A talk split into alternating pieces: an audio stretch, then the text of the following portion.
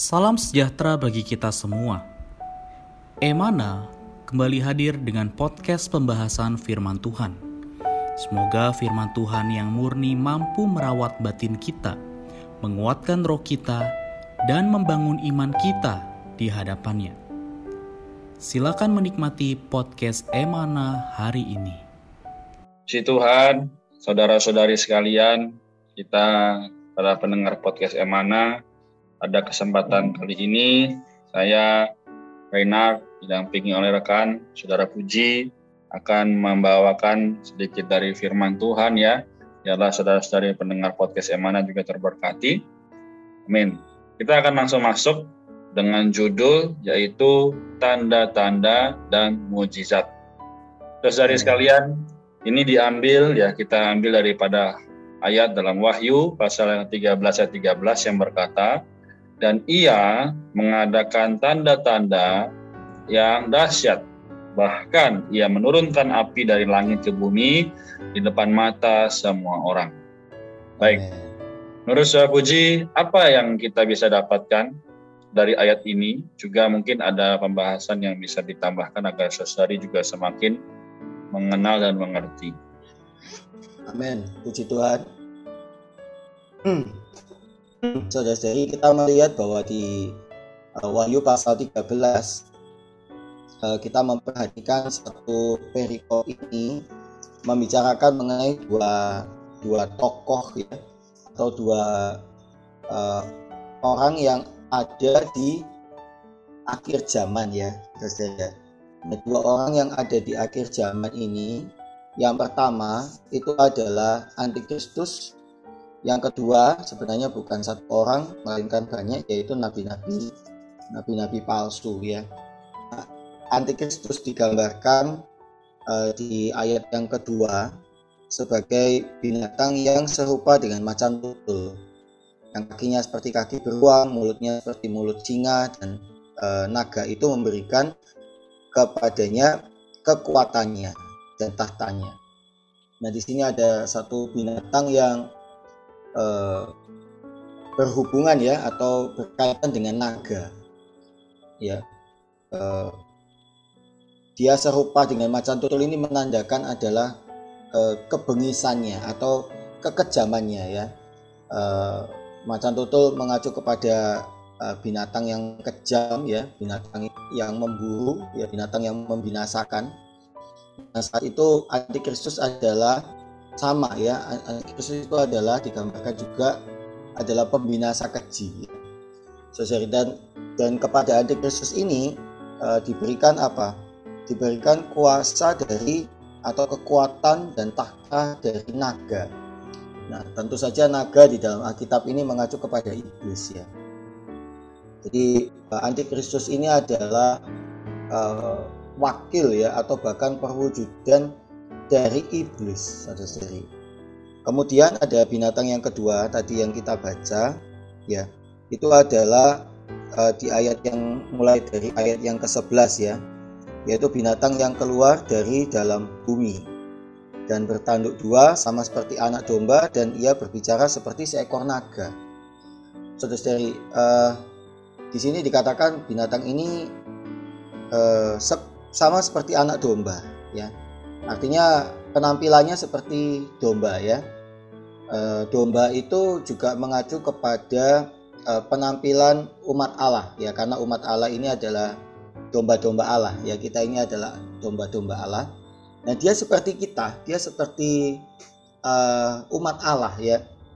Tetapi saudara-saudari suaranya itu itu seperti naga, berbicaranya seperti naga kita tahu bahwa apa yang keluar dari mulut kita itu berasal dari hati. Jadi orang ini penampilannya uh, seperti orang-orang percaya, tetapi apa yang ada di dalam orang ini sama sekali uh, tidak ada kaitannya dengan Roh Kudus, hmm, tapi justru ada kaitannya dengan naga yaitu iblis ya. Uh, Tuhan mengatakan di dalam eh, Matius pasal 7 ayat 15 ya dikatakan waspadalah terhadap nabi-nabi palsu yang datang kepadamu dengan menyamar seperti domba tetapi sesungguhnya mereka adalah serigala yang buas Jadi uh, ayat ini berkorelasi dengan Matius ya, nubuat dari Tuhan itu sendiri. Dan Matius pasal 24 juga mengatakan bahwa mereka ini akan menyesatkan orang. Matius pasal 24 ayat 11. Sama ya. Nah, di sini cara mereka menyesatkan orang di ayat 13 itu adalah dengan mengadakan tanda-tanda yang dahsyat. Bahkan menurunkan api dari langit ke bumi di depan mata semua orang. Lalu ayat 14 menjelaskan ia menyesatkan mereka yang diam di bumi dengan tanda-tanda yang telah diberikan kepadanya untuk dilakukannya di depan mata binatang itu dan ia menyuruh mereka yang diam di bumi supaya mereka mendirikan patung untuk menghormati binatang yang luka oleh pedang namun yang tetap hidup itu. Jadi saudara-saudari, pada saat itu penyesatan itu eh, tidak melalui pengajaran ya, tetapi uh, secara apa secara umum adalah melalui tanda-tanda atau mujizat-mujizat yang besar. Nah, karena itu sudah seri uh, saya memiliki beban ya bahwa kita hari ini uh, perlu apa? Perlu hidup mengikuti Tuhan, mengikuti firman Tuhan, uh, tidak mengikuti tanda-tanda uh, ajaib ya. Karena apa, saudara? Tanda-tanda ajaib ini yang mengadakannya bukan hanya anak-anak Allah, ya tetapi apa kuasa-kuasa kegelapan juga bisa mengadakan tanda-tanda ajaib. Uh, di dalam Alkitab kita perlu belajar ya satu uh, satu hal ya yaitu kita perlu menguji tanda-tanda ajaib, menguji roh-roh nabi-nabi ya. Jadi seorang yang mengatakan dirinya adalah nabi ya, orang itu justru harus diuji rohnya ya roh kenabiannya itu harus diuji satu apakah uh, menurut Yohanes pasal 4 ya apakah roh yang mereka dapatkan itu berasal dari Kristus. Ya kita mau cek mau lihat ya. Apakah mereka mengakui ya Kristus itu adalah Tuhan ya. Kristus itu adalah Allah ya. Dan apakah yang berasal dari mulut mereka itu benar-benar dari uh, dari roh dari perkataan Allah? Ya karena uh, nabi itu tidak mungkin cuma satu ya. Di dalam Alkitab itu perkataan nabi itu ditegaskan dengan perkataan nabi yang lain. Jadi tidak tidak hanya ada satu nabi yang berbicara tetapi Allah memberikan konfirmasi dengan perkataan yang sama kepada nabi-nabi yang lain.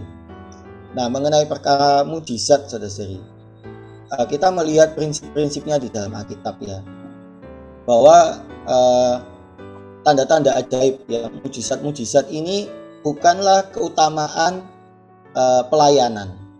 Bahkan Tuhan Yesus pun tidak yang kita anggap ya bahwa pelayanan Tuhan di mana-mana mengadakan tanda-tanda ajaib ya tetapi satu kali ya di Matius pasal 16 itu Tuhan diminta untuk melakukan tanda ajaib ya Tuhan diminta untuk melakukan tanda ajaib tetapi Tuhan sama sekali tidak menuruti permintaan mereka di Matius pasal 16 itu.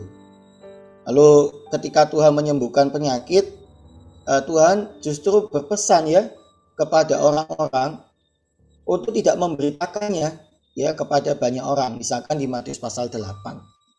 Artinya pemberi eh, perbuatan ajaib Tuhan itu dia lakukan sekehendaknya ya.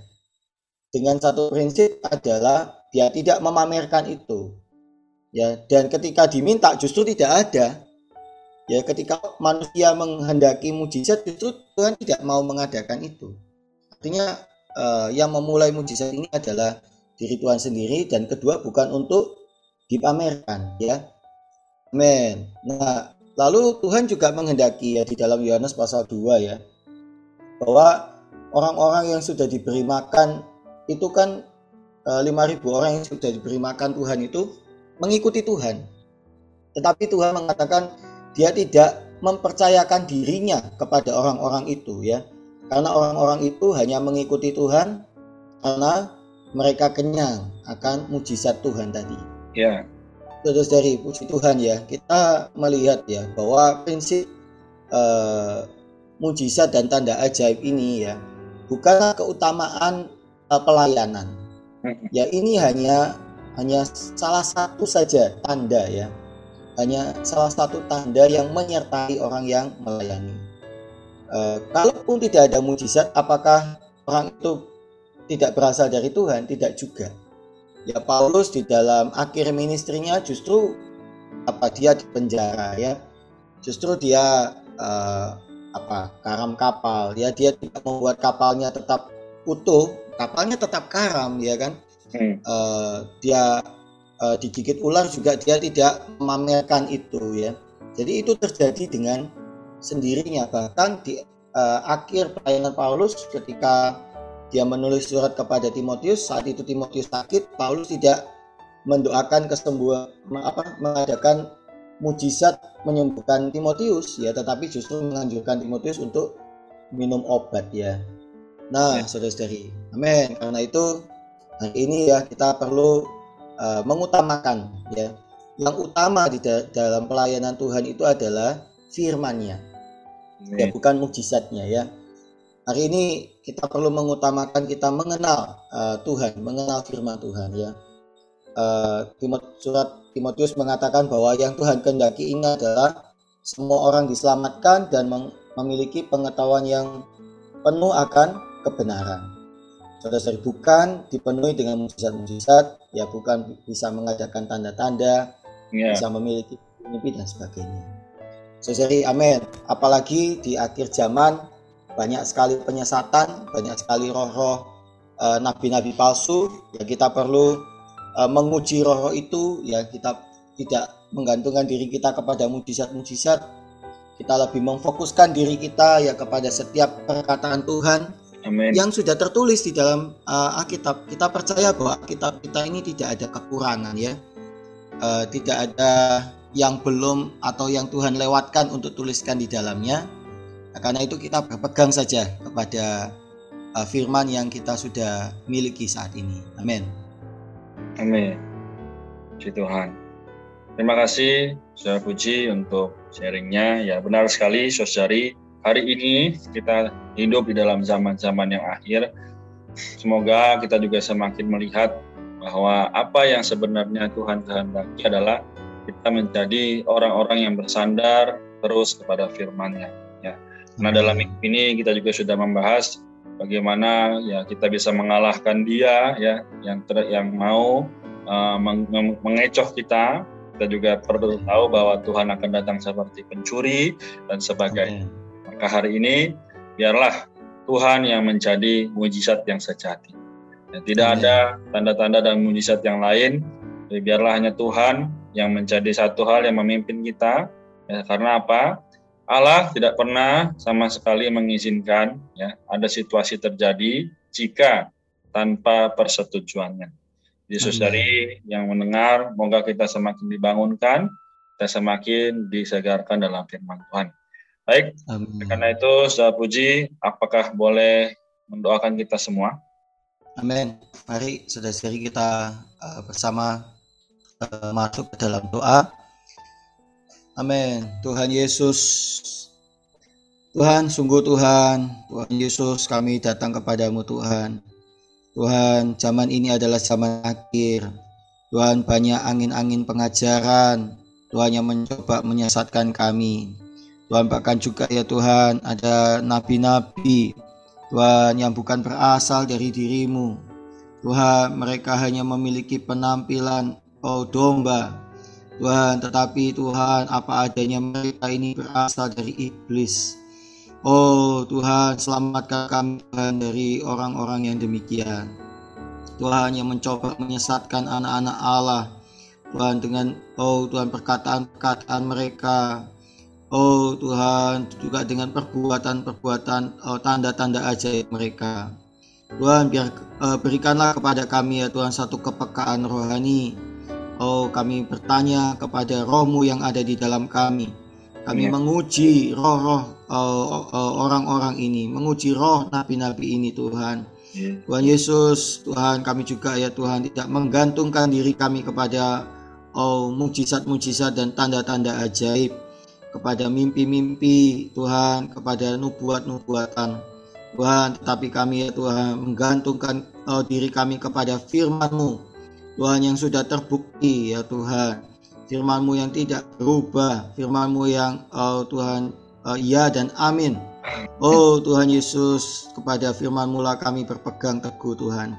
Jadikan kami uh, bukan hanya orang-orang yang percaya dan diselamatkan, tetapi jadikan kami orang-orang yang mengenal kebenaran, sehingga kami tidak Tuhan terombang ambing oleh angin-angin pengajaran, oleh uh, nubuat-nubuat, oleh mujizat-mujizat palsu pada zaman akhir ini. Tuhan belas kasihani kami ya Tuhan. Amin. Amin. Baik, terima kasih. Saya puji. Tuhan Yesus memberkati kita semua.